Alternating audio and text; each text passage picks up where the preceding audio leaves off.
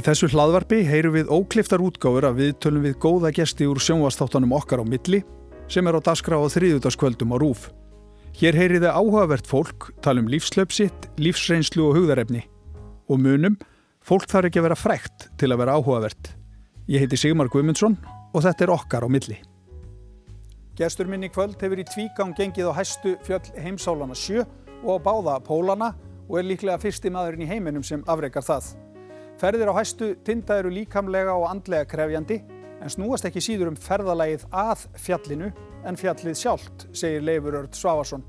Hann ætlar að segja okkur frá þessum ferðum og útskýrir einnig af hverju fjallið K2 er svona hættulegt. Fjallið sem John Snorri reyndi að klífa fyrstur mannaði vetralagi á samt félögum sínum en er nú talin af. Leifur, verður velkominn. Takk fyrir það. Og takk fyrir að hérna gefa þið tíma til að, að koma.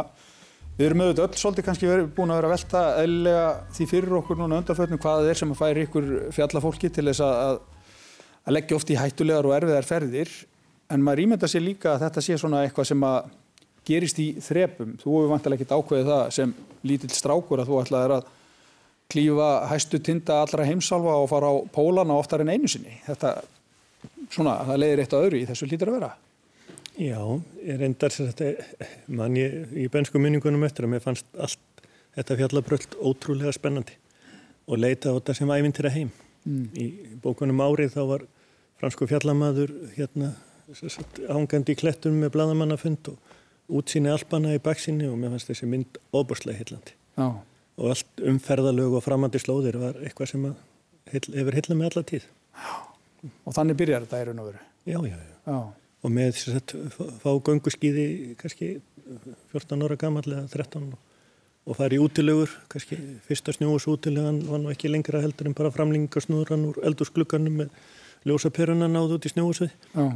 og síðan þegar bara reynsla jógst og hérna þá að fara lengra kaupa sér jeppa fyrir sumarhýruna þegar maður eru 17 ára að vilja sjeppa og ferðast meinar í torfahranda mínum fara á þumal í skaftafellsfjöldum og þá með kannski ekki frekar upplýsingar heldur en að þetta veri torklefasti tindur landsins og með heimasmíðu tryggingadótið sitt og í strygarskónu kjöptum í Dómus lögðu við þetta verkefni og fleira þannig Já. fara í Alpaklúbin þá reynda bara 15 ára og, og Björgunusveit þegar maður getur og mm. ferðast með ferðarfélaginu fleira svona, þetta var, mér finnst þetta ofsalega spennandi. Já, en ert þú, ég var að segja að þú væri líklegast fyrstimæðurinn í heiminum til þess að, að fara á hæstu tinda allra heimsáluna og uh, báða pólana tvísver, er, er, er það alveg staðfæst eða? Ég var að skrá þetta og hérna, og hún hérna, er að vinna í því en ekki góður í svona skráningu og hérna þá kváð hún og sagði að það, hún vissi ekki til að það hefði nokkuð tíma verið gert Nei. og hérna það eru kannski fleiri torsar eins og ég úti sem hafa ekki skráð sín afreg en hérna þannig að það er ekki alveg að það fullir það en, en það lítur allavega nút fyrir það. Já. og það er svo, þetta er svo ólík kannski er ólíkur einsleheimur bakgrunninn á Íslandi gefur manni svo víðan, er svo, er svo góðu grunnurinn að berjast við þetta veðravíti hér á veðunar að geta bæði ferðast á í heimskjötarsveðurnum og gengið á fjöllin. Og einstaklingar láta sér náttast næjað sem að fara með erðinni vinnu og tilkostnaði að, að það er ekki nú gott að ná einu ring og nú ekki svo sem margir í heiminu sem hafa gert það en að hafa tækifæri til að gera í leðsögn og vinnu að, að fara inn á pólana til dæmis og, get, og hafa líka fara á fjallin, það eru bara ekki margir sem hafa gert það. Nei, og þú hefur gert það tvísvar? Já, ég færi þess að oftar en tvísvar á alla heimsálu tindana og á báða pólana. Já, og hvað hérna, var þetta ákverðun sem þú tókst að þú ætlaði að gera þetta eða, eða bara svona ranða eitthvað tíman upp fyrir þér að þú ættir úr því góða möguleika á því og ákvæmst bara að klára verkefnið eða? Já, það er sérst, nei þetta var sérst, raunin ekki ákvarðin og það er hérna, maður bara svo heppin að hafa geta unnið í svona kannski áhuga sviðinu og hérna þannig að ég geta farið í leðsögn eins og inn á Suðupólun, það er bara óbúrslega mikið og dýrt ferðaleg þannig að ég hef ekki tatt tækifæri raunin til að fara þar nema bara sem leðsögumöður mm. og hérna og saman með Norðupólun sem er bara flókið ferðaleg að geta komist þar inn sem leysugumar er náttúrulega alveg gríðileg hefni en mér fannst þessi, sko, við erum búin að lesa alla sögurnar, alveg frá Pítur Frókjana og Grænlandi og, og heimskvötafarana mm. Ámursinn og Skott og allar þessar sögur, þannig að langaði þetta var kníðandi, mjög sterk löngun og elgi að vinna í því að koma sér í þá stöðu að geta komist þarna Já.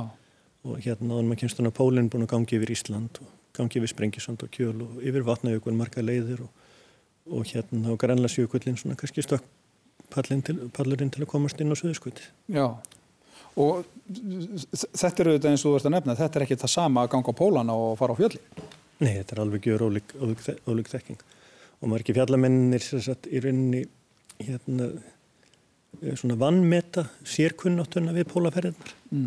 en það er heilmikið reynsla sem að þarf til þess að halda leiðangri á lífi og, og öllum við góða hilsu á, í pólaferðunum og halda öllu gangandi Já. þannig að það er alveg sérþekking út af fyrir sig mm. og hérna lístu við fyrir okkur bara svona hvernig er að, að ganga á póluna það, þetta er sitt hvað reynslan svolítið að fara á suðupólun eða á, á norðupólun en, en svona ferðalega, hvernig gengur það fyrir sig?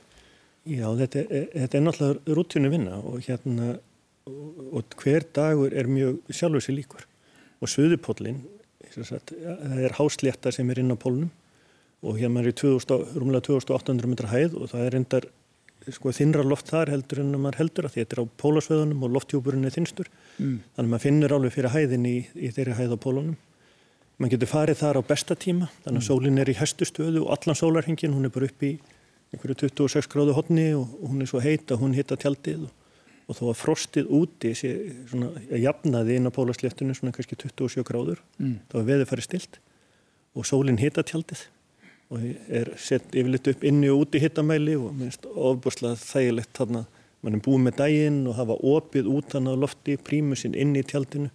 Vera búið með dagsverkið og, og hérna skanga frá öllum útbúnaðanum móka með þessa kamerastöðuna og komin inn farin og skónum smá kakó og rom og horfa út á víðóttuna og horfa hittamælinu sem sýnir pluss 20 inn í tjaldinu og mínus 27 fyrir utan tvöfaldan hérna nælunvegin það er bara svo náttúrulega hérna, smá rom eftir daginn og maður er svona gladur og ánaður skemmtilegst í tími dagsins. Já. og hérna svo hverfur það bara með súpunni og matnum og svo er bara heldur dagurinn áfram í næsta dag. Já og, og þeir eru svolítið líkir. En, en munurinn á pólunum?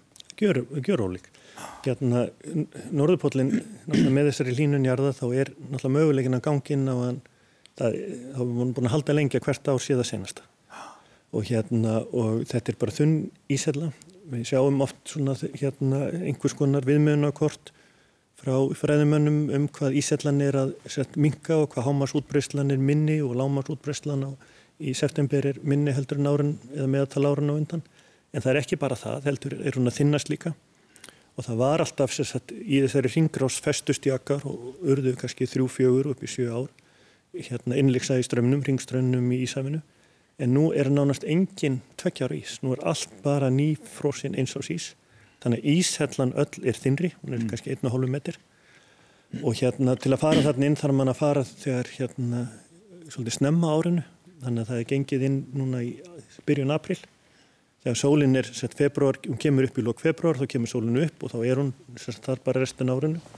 Og í byrjun april er hún svo látt mm. og hún næri ekki að knýja sólapannil hún næri ekki að hitta tjaldið og þó maður sé við sjáamál þá hérna er frosti 30 gráður í tjaldinu líka rakinni miklu meiri, maður finnur fyrir kuldanum, hann er meira nýstandi á norðupólum mm. og komin í tjaldið það er ekki hlýja og hérna, og maður sér að til dæmis vel bara á elsnendisnótkunni, ég er með þess að Norðupólunum er ég með tvo prímusa í gangi og það standi nú í leifinningunum að það með ekki nota prímusin í tjaldi en Já. með góðri loftun þá er það óhætt bara til að smá, fá smá loft hitta ná rakanum úr fötunum ísingin er á öllum lögum, mann bustar mm. hann af og séðan bara ná smá hérna rakanum í burtu og ég er að nota svona 350 millilítra bensína mann á dag á Norðupólunum menn ég er svona 170 á hérna Suðupólunum mm. það er bara miklu auðveldari aðstöður Já. og þegar maður flýgur eins og fljúa yfir pólinn og horfa þarna niður þetta er alveg, þetta er svo magna þetta er bara brotin upp ís með vökum og þetta er, þetta er svo óbáslega ógreðfært að þegar maður lítur niður að það er bara, mann hugsa að hér er ekki fært nema bara fyrir fugglum fljúandi og svo að finna sér leið og maður, sagt, mér finnst það miklu áhugaverðara. Maður veit aldrei hvernig dagurum verður. Maður sér bara ísryggina sem eru framöndan og velur bara legsta skarðið til að fara yfir og kemur þar og ef það er vög og ef maður sér óendilega langt í aðráttina þá ætla maður að ganga með vögin í hináttina mm. og, hérna, og finna staðið þar sem þessi stóru ísflekar er að nutta saman og koma hópnum þær yfir eða sprungur að myndast og, og ná að milli jaka og mér finnst það, það skemmtilegt. Já, þetta er svona síbreytilegt auðvitað landslag, þú veist ekki alveg að hverju þú gengur. Já, algjörlega og hérna þegar ég fór seinast, alltaf ekki átján, 2000, nei, ég mann fyrir nokkrum árum, þá hefði ég sett greinileg eitthvað gengið á að því að það var allt brotið upp og það hefði snjóað yfir. Þannig að þetta var bara svona eins og bara í, eins og í kvikmyndasetti þar sem heimurinn á að hafa farist og frósið aftur. Já. Allt upp brotið og síðan svona fallegu snjóri yfir öllu, byrtan alltaf sólinu svo látt, allan daginn, langi skuggar mér finnst þetta, þetta óbúrslega stert Já. og fá tækjafæri til að komast alltaf inn á pól sem er ekki rauninni staður hann ferðast um bara með þessum hraða Já. þannig að þegar mann er komin inn á pólinn þá þarf mann morgunin eftir að mann á að vera sóttur að lappa aftur inn á pólinn og reyna að staðsetja hann og mynda GPS-tækinu sín og reyna að halda því á ferð til þess að sína 90 og maður sé ákverðat á stanum, allt sjálfmennandi Já, já ég, ég trúi því vel, það, en þetta er hættulegt, er það ekki, já, að fara þessar pólferðir eins og, eins og að fara á hæstu fjöllin? Já, Norðurpólinn er hættulegur og verður meðhundlas með virðingu. Já. og hérna það er alltaf dætt í sjóin og það er að mm. breyðast rétt við. Mm. og hérna en Suðurpólinn er vinna og ef mann bara passar fingur og, og andlit að því leiður hefur vind þá er hérna er kalhætta. Kalhætta í vindunum bara bæð á lærum og andliti og, og svona þannig að ef mann, ef mann passar sig og passar hópin þá er það rauninni hættulegst og maður er í sambandi þar allan daginn og það er að hérna, lenda flugul við hliðan á manni mm. en norðupólinn er á um að bara já, já. Að, svolítið að reyðast á sjálfan sig og, og komast í gegnum þetta. Þetta er auðvitað ekki það sama. En síðan eh, erum við með þessa sjúhæstu tinda heimsálfana sem að þú eru þá farið á oftar en, oftar en einu sinni og þannig erum við auðvitað að tala um alveg ótrúlega ólík fjöll, mjög ólíkar aðstæður og svona þú ert ímist að ganga eh, eitthvað upp í 8000 metrum í ískulda og, og bratta eða þá í sjóðandi heitum hérna, frumskogi, rekskogi.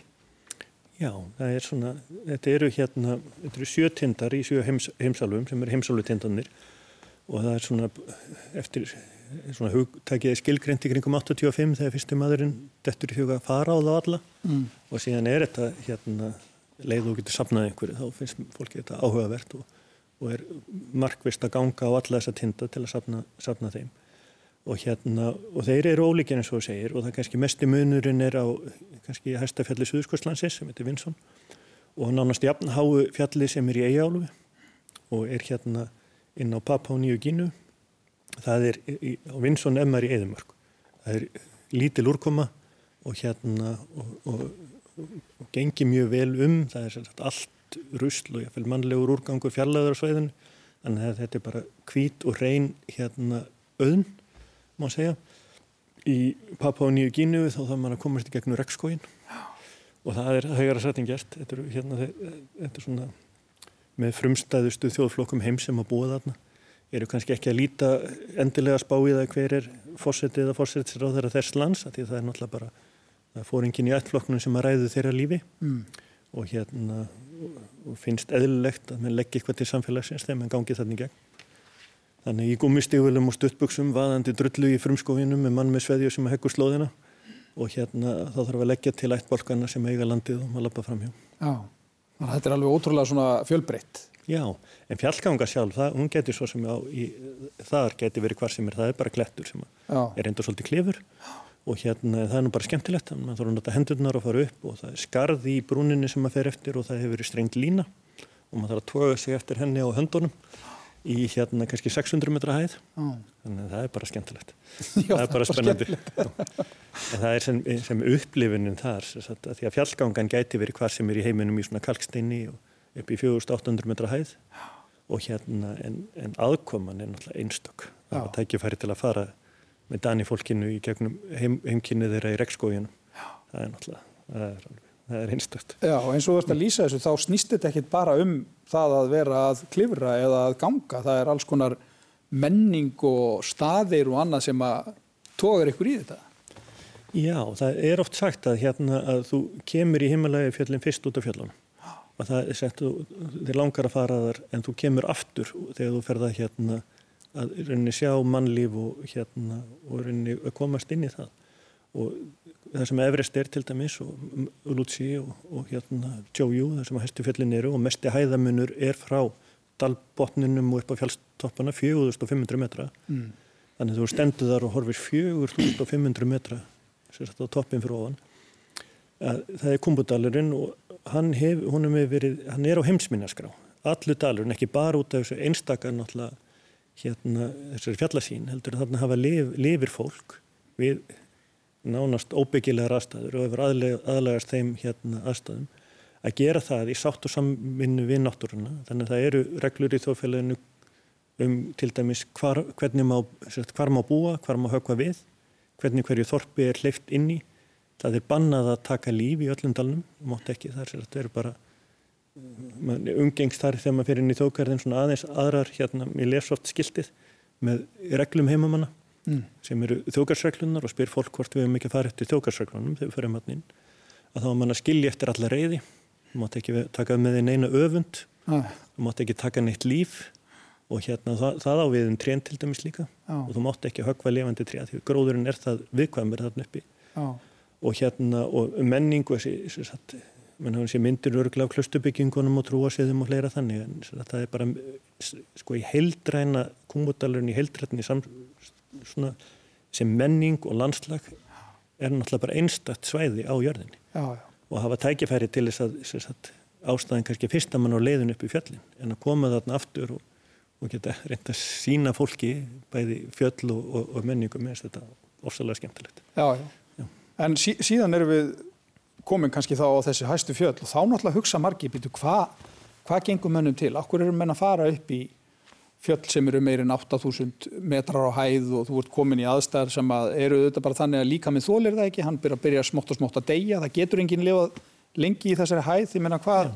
og þetta er stór hættulegt, það er mikill kuldi, það er bratt og, og, og allt mögulegt sem getur komið fyrir Hva, hvað er það sem er heillandi við það?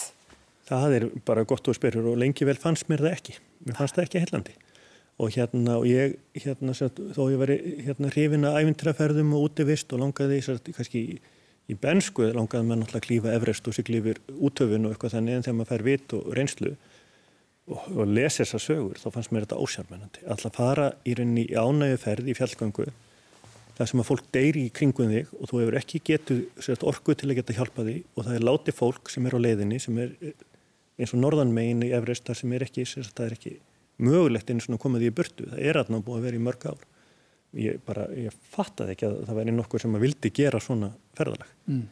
En síðan hérna þróast þetta og það leiðir í rauninni eitt af öðru og hjá mér til dæmis er ég farin að fara með fólk á þessa heimsalutinda og Elbrus sem er hæstafjall Evrópu sem er í Rúslandi og ég fann að fara inn í Suður-Ameríku og það er næst hæstarunni heimsalufjallið Aconcagua í Argentínu og það er sjöðusmetrar og mér vantaði í rauninni bara til þess að sko rauninni meiri þekkingu fannst mér til þess að vera að vinna öryggi í þeirri hæð þannig að ég sérstætt fyrir á nokkar aðra tinda ég fer inn í, í hérna, Pamirfjöllin og fyrir á 7200 metra hérna, tind í hérna, Lenin og hérna við reynda mjög erfiðar aðstæður og ég kem sem aðstóðafarastjóri á hérna 5. Uh, hestafjalljarðar hérna Tjójum, 8200 metra fjall og það er kannski, þetta er svolítið breytinga þá fannst mér, þar ég, er ég búin að vera í Lhasa og kem þannig típet hérna, megin inn að fjallinu.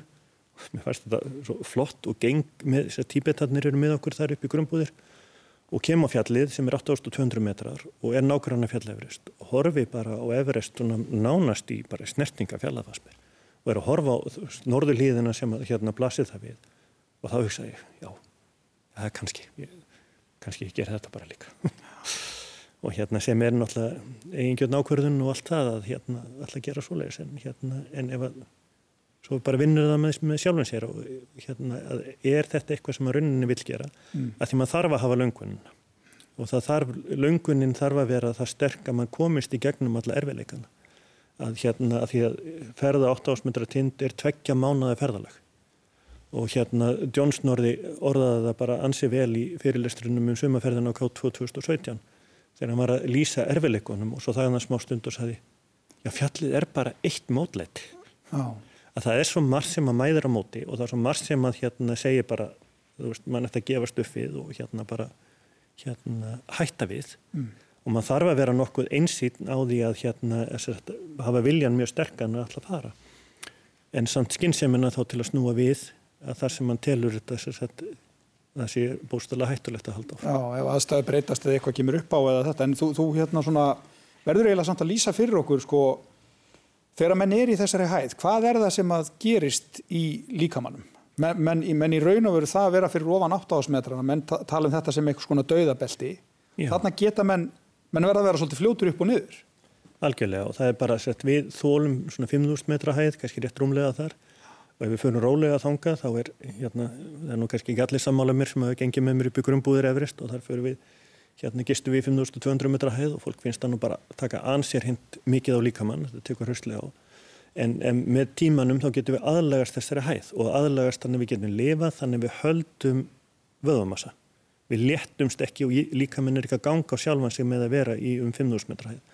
En öll hæð þar fyrir ofan, fyrir okkur, sérparnir eru búin að búa þannig álu hundruð og það er genetísk breyting á þeim, þeir geta lifað í þessari hæð en við getum það ekki þannig að það bara, þá getur líkamann upp sjálfa sig bara eins og sjálfsónam eða ég veit ekki hvað þetta vera. Mm. Hann byrja bara að deyja líkamann? Já, og hann hérna, hann sér að tekur vöðumassan fyrst af því það er vöðvandni brenna orku og það er að losa sig við vöðva sérstaklega þá sem ert ekki, ert ekki að nota þannig að í svona löngun tími hæð þá geta menn upp vöðamassan og eru mjög rýrir þegar komum tilbaka og þegar læknar eru til dæmis átt að segja þessu þannig margir læknar hérna heima til dæmi sem hafa haft mikið áhuga á þessari lífæðlisfræði sem að fylgir því að, að menn lifi við aðstofur sem að þú sér alltaf á gjörgjörludeld spítalana að hérna að hérna að þegar þeir eru átt að segja á þessu eins og til dæmis að dvelja langtvölum í Suður Ameríku upp í 6.000 metra hæð að þá talti læknirinn sem er að gera tilröndu á sjálfansér og heldur dagbókin að hann sé allt í lægi og hann ætlar að verða þar í einhverja mánuði og svo er hann átt að segja á því að hann hefur ekki það er unni rétt að, hérna, að fara niður. En þá hefur hann ekki líkamlega börði til að gera það. Þá er hann búin að setja ganga svo á líkamann að hann þarf aðstöð við að reyfa sig að koma niður og þá er hann átt að segja hvað gerist. Þannig líkaminn getur sjálfans upp og í eins og til dæmis norðanmegin í Everest það eru efri grunnbúði sem hann hefst mest við í í 6400 metra hæð. Og ef svo einhver vildi lifa þar í átjánstega frosti á nóttinni og hérna í tjaldinu sínu til langbúðar finnist það ánægilegt mm. þá hérna geta menn það ekki, menn bara vestlast upp og menn deyja þannig nokkru mánuðum. Já. og þegar við kemur inn í dauðarsvæðið sem er yfir 8 ásmetra hæð þá geta menn rauninni dáið að því einu að verðar og þetta hérna sagt hérna eins spennandi svo það þykir. Og mann lasum til dæmis ellenda fjallamenn eins og slísin 86 á K2 þar sem mann koma af toppnum og er svo þreyttir að þeir gista í 8 ásmetra hæð og hafa séðan bara ekki líkanlega burðu orku til að koma sér að stað og fara niður þó að veður leifið það enþá mm -hmm. eins og Allan Rús frægur breskur hérna fjallamöðu deyr á, á hérna K2 og hérna þannig þegar ég er til dæmis norðan megin þar sem efstu búðir eru hæstu tjálbúðir í heiminum tefnilega 8300 metra hæð að þá var ég búin að mála það alveg inn í hugan að ég ætlaði að stitta tíman í döðasvæðinu og ég ætlaði ekki að líta á, á tjaldi sem vinnalegt skjól en ég hitta mér á prímustar og ég hitta með vatn og fæði mér að drekka fyrir, fyrir utan tjaldi, ég ætla ekki að leggja mig, ég ætla ekki að sopna þarna og hérna og síðan held ég áfram og fer niður fyrir sko vel niður eða niður 7 metra hæð bara mm. það sem að líkamannum er óhætt Já. þannig til að komast úr þessari bara nánast eitur áhrifin sem að hæðin hefur á mann Já. En svo eru þetta margir sem skilji ekki alveg sko aðstæðna sem eru þarna út frá því að ef að einhver er í vandraðum, miklu vandraðum að þá stundum þurfa menn bara að láta viðkomandi eiga sig, menn, menn eiga fullt í fangi með sjálfa sig, menn get ofta ekki bjargað þeim sem er í nauð í þessari hæð. Náttúrulega... menn, menn ganga bara fram hjá degjandi fólki og, og auðvitað látnu fólki líka. Það hefur náttúrulega sett einkent eins og til dæmis K2 að því að hérna sem er næstasta fjalligarðar eins og allir Íslandika þekkja núna að þar hafa þangað til bara 2017, 15, nei 2015 kannski þá hafa leðangur verið mjög litlir þeir hafa verið mjög, mjög lítið að hjálpa fólki. Mm. Þannig að leðungusmennir sem verið að berjast í toppin hafa rauninni enga umfram getur til að gera neitt. Og sama er það til dæmis norðanmein og Everest þar sem það er ekki, sko, það er fáir á ferðinni og það er ekki, það er ekki mikið að sérpum sem koma þar og er að vinna á fjallinu, það er ég til dæmis bara með einn mann sem að hjálpa mér að koma upp tjálbúðunum og hérna fer með mér á toppin og sagt, ég tók þar ákverðun sagt, að hérna að ef, mér fannst þetta svo óhugnulega sögur þar sem gengur fram að degjandi fólki að ef að ég gæti hjálpað einhverjum þá myndi ég frekar stoppa og, hérna, og hjálp honum. Og það er ákveðin sem maður þarf að hérna, hugsa fyrirfram að því þegar maður er bara að reyna að anda og hérna, er á beinubrautinu bara að reyna að ná toppnum þá held ég að maður veri hætt hérna, þá er maður ekki hæfið til að taka svolítið sákvæðanir en ég ætlaði að gera það ef ég þyrti og forna toppnum. Og hérna en í rauninni aflið og getan sem maður hefur er svo lítil, maður rétt stendur undir sjálfu sér í sér að hæð og sérstaklega það sem að ef það er lítill flutningur á súrefni að þá hefur maður bara mjög hérna, takmarkað af súrefni, mann hefur takmarkað en tíma og mann hefur takmarkað flæði. Mm. og hérna en aftur á móti sunnanmegin með stóri leðangrunum og eftir 1990 þegar sunnanmegin og öðristega stóri leðangra fara þannig að það er almennilega fasta línur og það eru til að örugar þannig að það eru lagaðar.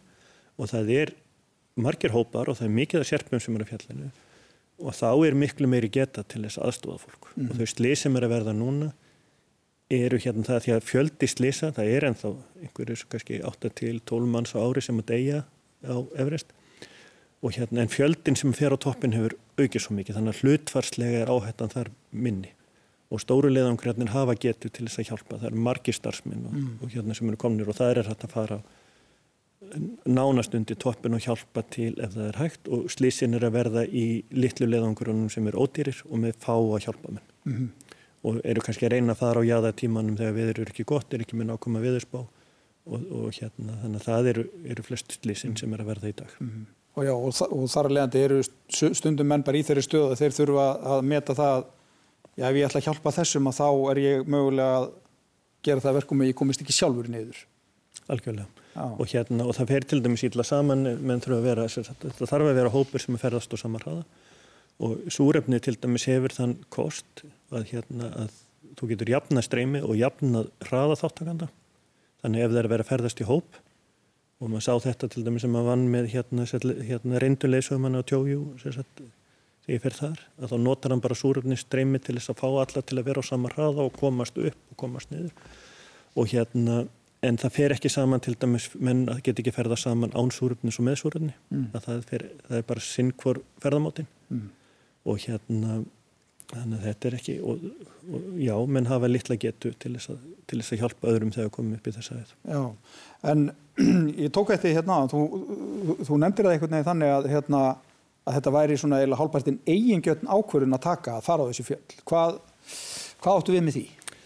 Það, það, það verður náttúrulega alltaf að vera þannig. Þú ert að taka ákvörðun, mann er náttúrulega ekki eiland, mann er með fjölskyldu og allt það og taka ákverðin sem að fær önnur áhuga máli eins og til dæmis að hoppa með falli fram að byggingum eða möstrum til þess að vera lítið hættulegt tálfræðilega og hérna það er nú eitthvað sem fólk myndi teljast hérna til fíldisku að hérna auðvitað eða setja alltaf sinna áhuga máli og fara eigin kvötum á, í hérna fjallgangu það er náttúrulega ákverðin sem er verið að taka með sinni fjölskyldu og, og ígrunda nokkuð vel að hann með gera. Já, mm. menn eru meðvitað að leggja sér í lífsættu, það, það, það Ég held að flestir eftir tvítugt svona þegar sem mann átti sig á því að tölfræði til dæmis, slísa tölfræði og annan nær til maður sjálfs Já. og mann er ekkert, hérna getur ekkert undir hérna fráskili sig öllum, það er híniselandi í slísunum í umferð og akstri og öllu öðru Já. en ég slepp að ég held að það, mann verður bara að líta sjálfan sig að það, veist, það getur, það getur eitthvað komið fyrir maður sjálfan líka Já, mm. en stundum heyrir maður svona eh, þegar það er verið að spyrja, okkur erum við næðisu og þá heyrir maður stundum svona svolítið svona grallarileg og töffarileg svör sko, fjallið er þarna þess að verði ég að fara það en það er nú yfirleitt kannski einhver meiri hugsun á bakvið þetta er það ekki og alvara heldur en, heldur en það? Mm, Það er erfitt að skýra það, ég held að þetta sé nú frækt svara því að þess að af hverju fórstu? Að því að fjallið er þarna.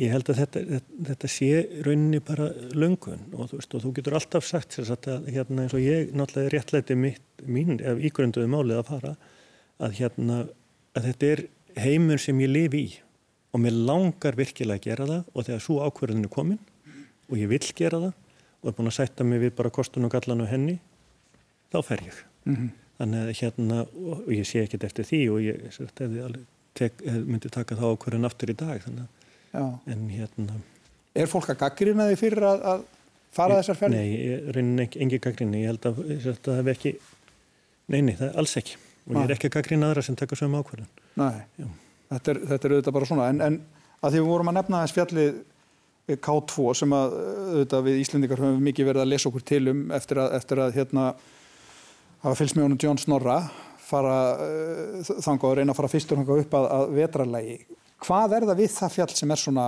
hættulegt? Akkur er það svona miklu hættulegra heldur en Mount Everest, ég hef þótt að það sé einhverjum 400 metrum lægra?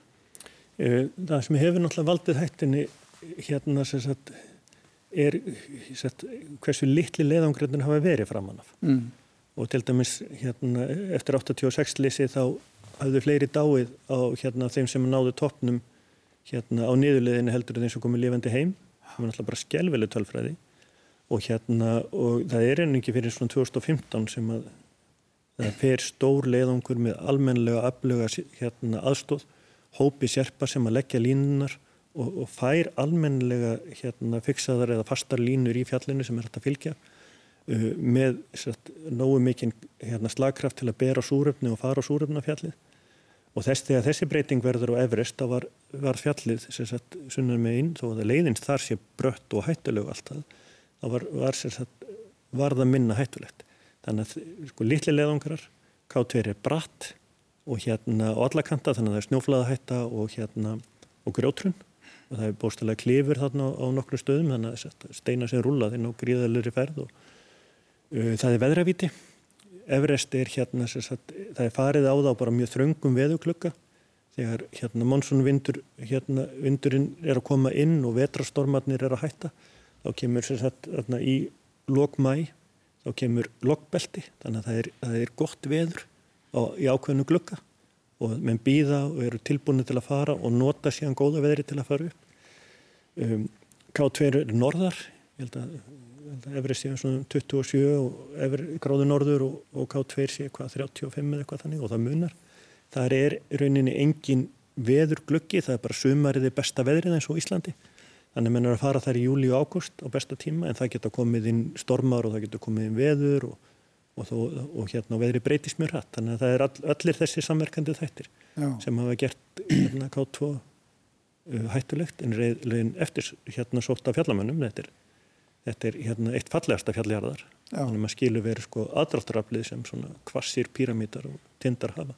Já, Já þannig að hérna það er alls konar svona hlutir sem að spila inn í þetta en, en síðan þegar menn eru komnir í það að, að klífa það vetralagi þá og, og jábel þegar við erum ekki bara með þá tölfræð inn í þegar við erum bara með helda tölfræðin að einn af hverjum fjórum kemst ekki niður aftur af þeim sem komast allalið upp. Þetta, þetta er svakalig tölfræði. Já.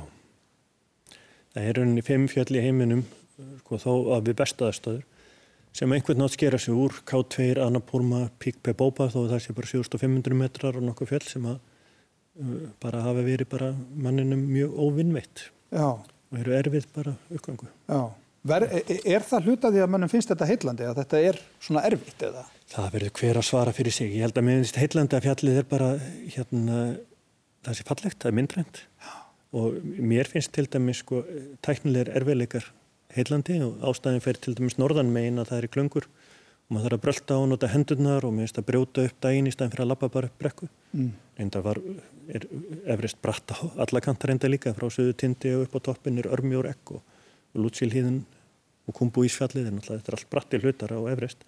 En mér finnst tæknilegir erfiðleikar sko mörgulegt að gefa því sjarma. En mér persónulega finnst mér áhættan neikvæð. Mér finnst það ekki sem að ég sæki í persónulega að fara í það sem er hætta, mér finnst það fælandi. Já en hérna formfegur og tæknilegir erfiðleikar, það finnst mér fallegt. Þannig að þetta eru þetta bara þannig að hver og einn hann svolítið metur fyrir sig hvað hann er tilbúin til þess að, að gera og þá líka bara eftir því hvað hann er að sækjast. Algjörlega. Já. Já. En nú hefur líka verið gaggrind svolítið við svona fjallamennsku og ekki síst í tengslu við Everest að það er að þetta er orðið svo mikið túrismi. Að það sé sko, það er ekki bara svona menn sem eru með gríðamikla reynslu eins og til dæmis þú sem er að fara á þessi hæstu fjöll, þetta er þetta er kannski tildurulega lítið reyndir menn þannig að, að fara svona hátt upp. Hva, er þetta ógefni? Já, vissulega og það er náttúrulega, mann sá alveg sko umræðina sem kemur um 1990 í fjallamennsku samfélaginu þegar hérna Everest fer að vera sagt, að það er bara ætla að saman sér mjög góðu líkanlegu formi og þá getur lesugum að þau fara með þau upp. En það er í rauninni ekki þannig, það að þú þart að hérna taka alltaf einhvern grunnkurs, þú þart að standa vel í mannbrótonum og þú þart að gera hérna þetta er fjallamennska sem er að gera og það er einhver staði verðamenn að skóla sér til til að fara mann heyrir alltaf sögur að fólk sé að læra að setja á sig mannbrótana í rauninni fyrsta skipti þegar það komi grunnbúðir efrest mm. En ég held að það sé nú alltaf rálegast að taka lítil skref og, og hérna ég, ég held að menna bara erfileikarnir svo mætir að, ef þú hefur ekki gert eitthvað svipa það er mjög erfitt að alltaf komast í gegnum þá Já. og hérna Þannig ég held að sé nú alltaf rálegast að taka lítil skref og, og, hérna, og eitt leið af öðru. Já. en það er vissulega, það er með skipilöðun leðangurum þá er, er í bóði fyrir þig að koma í þú getur keftið inn í leðangur sem sérum allt skipila og, og hérna kemur tjaldinu inn upp og þú borgar aðeins meira þá er sveppbókjum búrun upp í efstu búður og þú fær súrefnið sem er mm. og hérna og sérpanna sem kunna á það Já og þarna geta menn þá mögulega verið að bjóða svolítið hættunni heima því að þeir hafa ekki reynsluna. Eitt af því sem gerist auðvitað bara er það að súröfnisflæði til heilan sem miklu minna og all ákvarðanataka hún er úr skorðum svolítið. Já og þetta er hérna, þetta, bara, þetta er ekki langt síðan, þetta er 1978 að fara tveir fjallamenn, Pítur Habelner sem er nú haldið fyrirlistu hér og Reynold Messner að þeir fara á Everest og læknarni þá gátur henni ekki svaraði hvort að bara svona langvinnu tími í þessu súröfnisleysi myndi hérna bara hafa varalega áhrif á þá. Mm. Og ég manna að skondið að Habelner segir á, á toppadeginum er einu samskiptin sem þeir höfðu sína á milli var að hann teknar ör niður í snjóin og mestnir stríkur yfir hann og svo halda þeir áfram. Þannig að hann ekki mikið að spjalla leiðinni hérna leiðinni þar upp. En sett, í þessari er, í þessari hæð er súröfni svo lítið, þetta er bara lífsnöðsileg starfsemi. Það er engin melding, það er engin brun í líkamannum sem að hérna heldur á þér hita, þannig að kalhætt á höndum og tám er miklu meiri ef þú ert ekki með sko, viðbáta súröfni uh, þú heldur sko, mjög illa raukhugsun mm. þannig að mann eru bara, svona, bara reyna að bara tóra og taka eitt skref fram fyrir annar og hérna en í rauninni er það svona reynlegast í fjallamátin að ef þú ert að fara á fjöll sem eru þetta há þá hafa margir sagt að hérna annarkvært ferðu bara eins og þú getur og svo ferðu þá bara ekki tærra en að taka viðbót á súröfni er náttúrulega bara eins og að lækka fjallið því hver lítir af flæði á súröfni er eins og að lækka því niður um 500 metra. Mm -hmm. verður alltaf mjög erfitt en hérna en gerir allan gerir þetta mennst. Já, Já. ég heyrði eitthvað tíman þá lýsingu að sko það sem að gerði góða fjallamenn í þessum aðstæðum góða, það er að þeir viti hvenar eigi að hætta við ef að þannig er að viljin til þess að fara á toppin svona rænum en ekki skynsið með nýði að mann geti þá séð þegar þú aðstæður að breytast, ég verða að snúa við Já, ég held og hérna bæði skiptir sem ég hef farið til dæmis þá hérna hef ég bara notað svipað aðferðafræð og leysugum en notað í bara snjóflóðavinnu mm. með skíðamenn, það er alveg lúmstættulegt að þá hef, hafa ákverðarna verið teknar í góð umhverfu fyrirfram. Það er heilmikið reynsla fjallinu og það er sér alveg vitað að aðdragandi margra slísana þar sem henn haldur lengi áfram og, og allt þetta. Þannig ég hef búinstilega skrifað þetta niður og verið með bara á blað, bæði hvenar ég skiptum súröndinskútana, hvað ég er með mikið flæði, þannig eigi reikningin og mjög svona rauninni sko varfærna áallun, mm. hvenar ég ætla að fara tilbaka. Þannig að þess ég ekki á staðnum þegar ég sjáu toppin eða veður er að breytast eða eitthvað þannig þá hérna að þá sé ég að taka ákverðun þá. Heldur er ég fyrirfram búin að ákveða hvernig hérna hvar ég ætla að snúa við. Og þetta er mér bara niðurskrifað og ég er inn á tímarammans.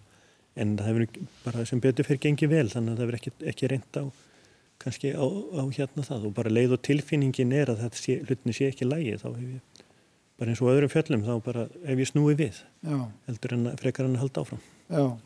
Og að því að við erum að tala um að þetta getur auðvitað verið mikil raun bara eins og þú ert að lýsa og allt þetta er, er þetta þannig, gætur þú sagt við eitthvað bara sem er að spurja þig, ég mæli eindriði með að þú farir eða er þetta svona kannski einhver ákvörðun sem að bara verður að byggjast upp með hverjum og einum skilur þú hvað er að fara? Er... Já, ég, ég náttúrulega mæli með að allir fara út Já. og þú getur gert það hérna heima og þetta er náttúrulega En ég er að tala um að fara, gætur þú sagt við eitthvað þú verður að fara á Everest Nei, það er bara eitthvað sem er verið að finna löngur sína í að gera og hérna og þá finnur ef þú, ef þú hefur löngunina til þá eru dræfið.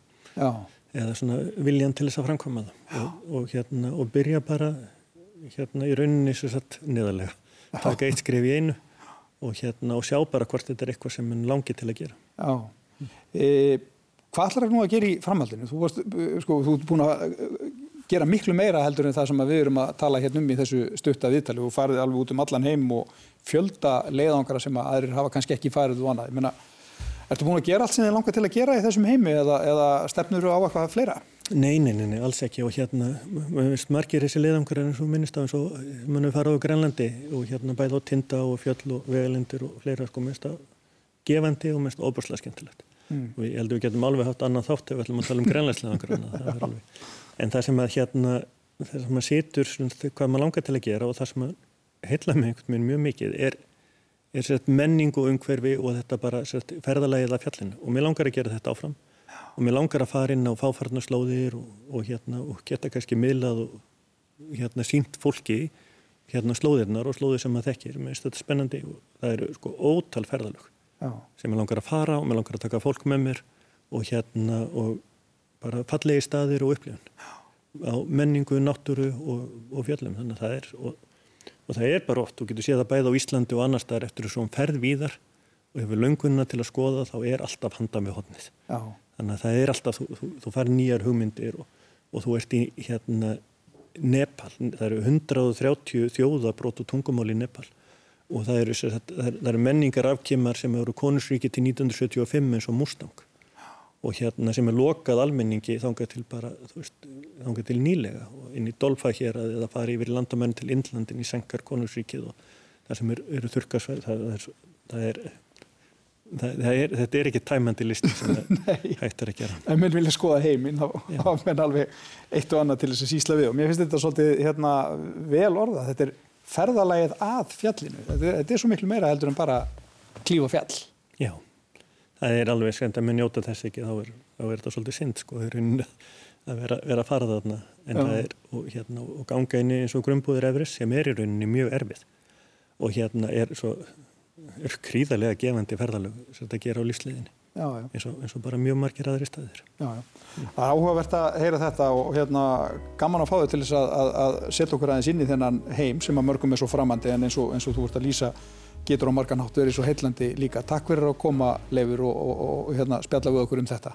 Takk sem að liðis. Þetta var hlaðvarpið okkar á milli, óklift útgafa af sjónvastáttunum sem er í loftinu á Rúf á þrýðutaskvöldum og eftir kastljósu og menningu. Ég heiti Sigmar Guimundsson. Takk fyrir að hlusta.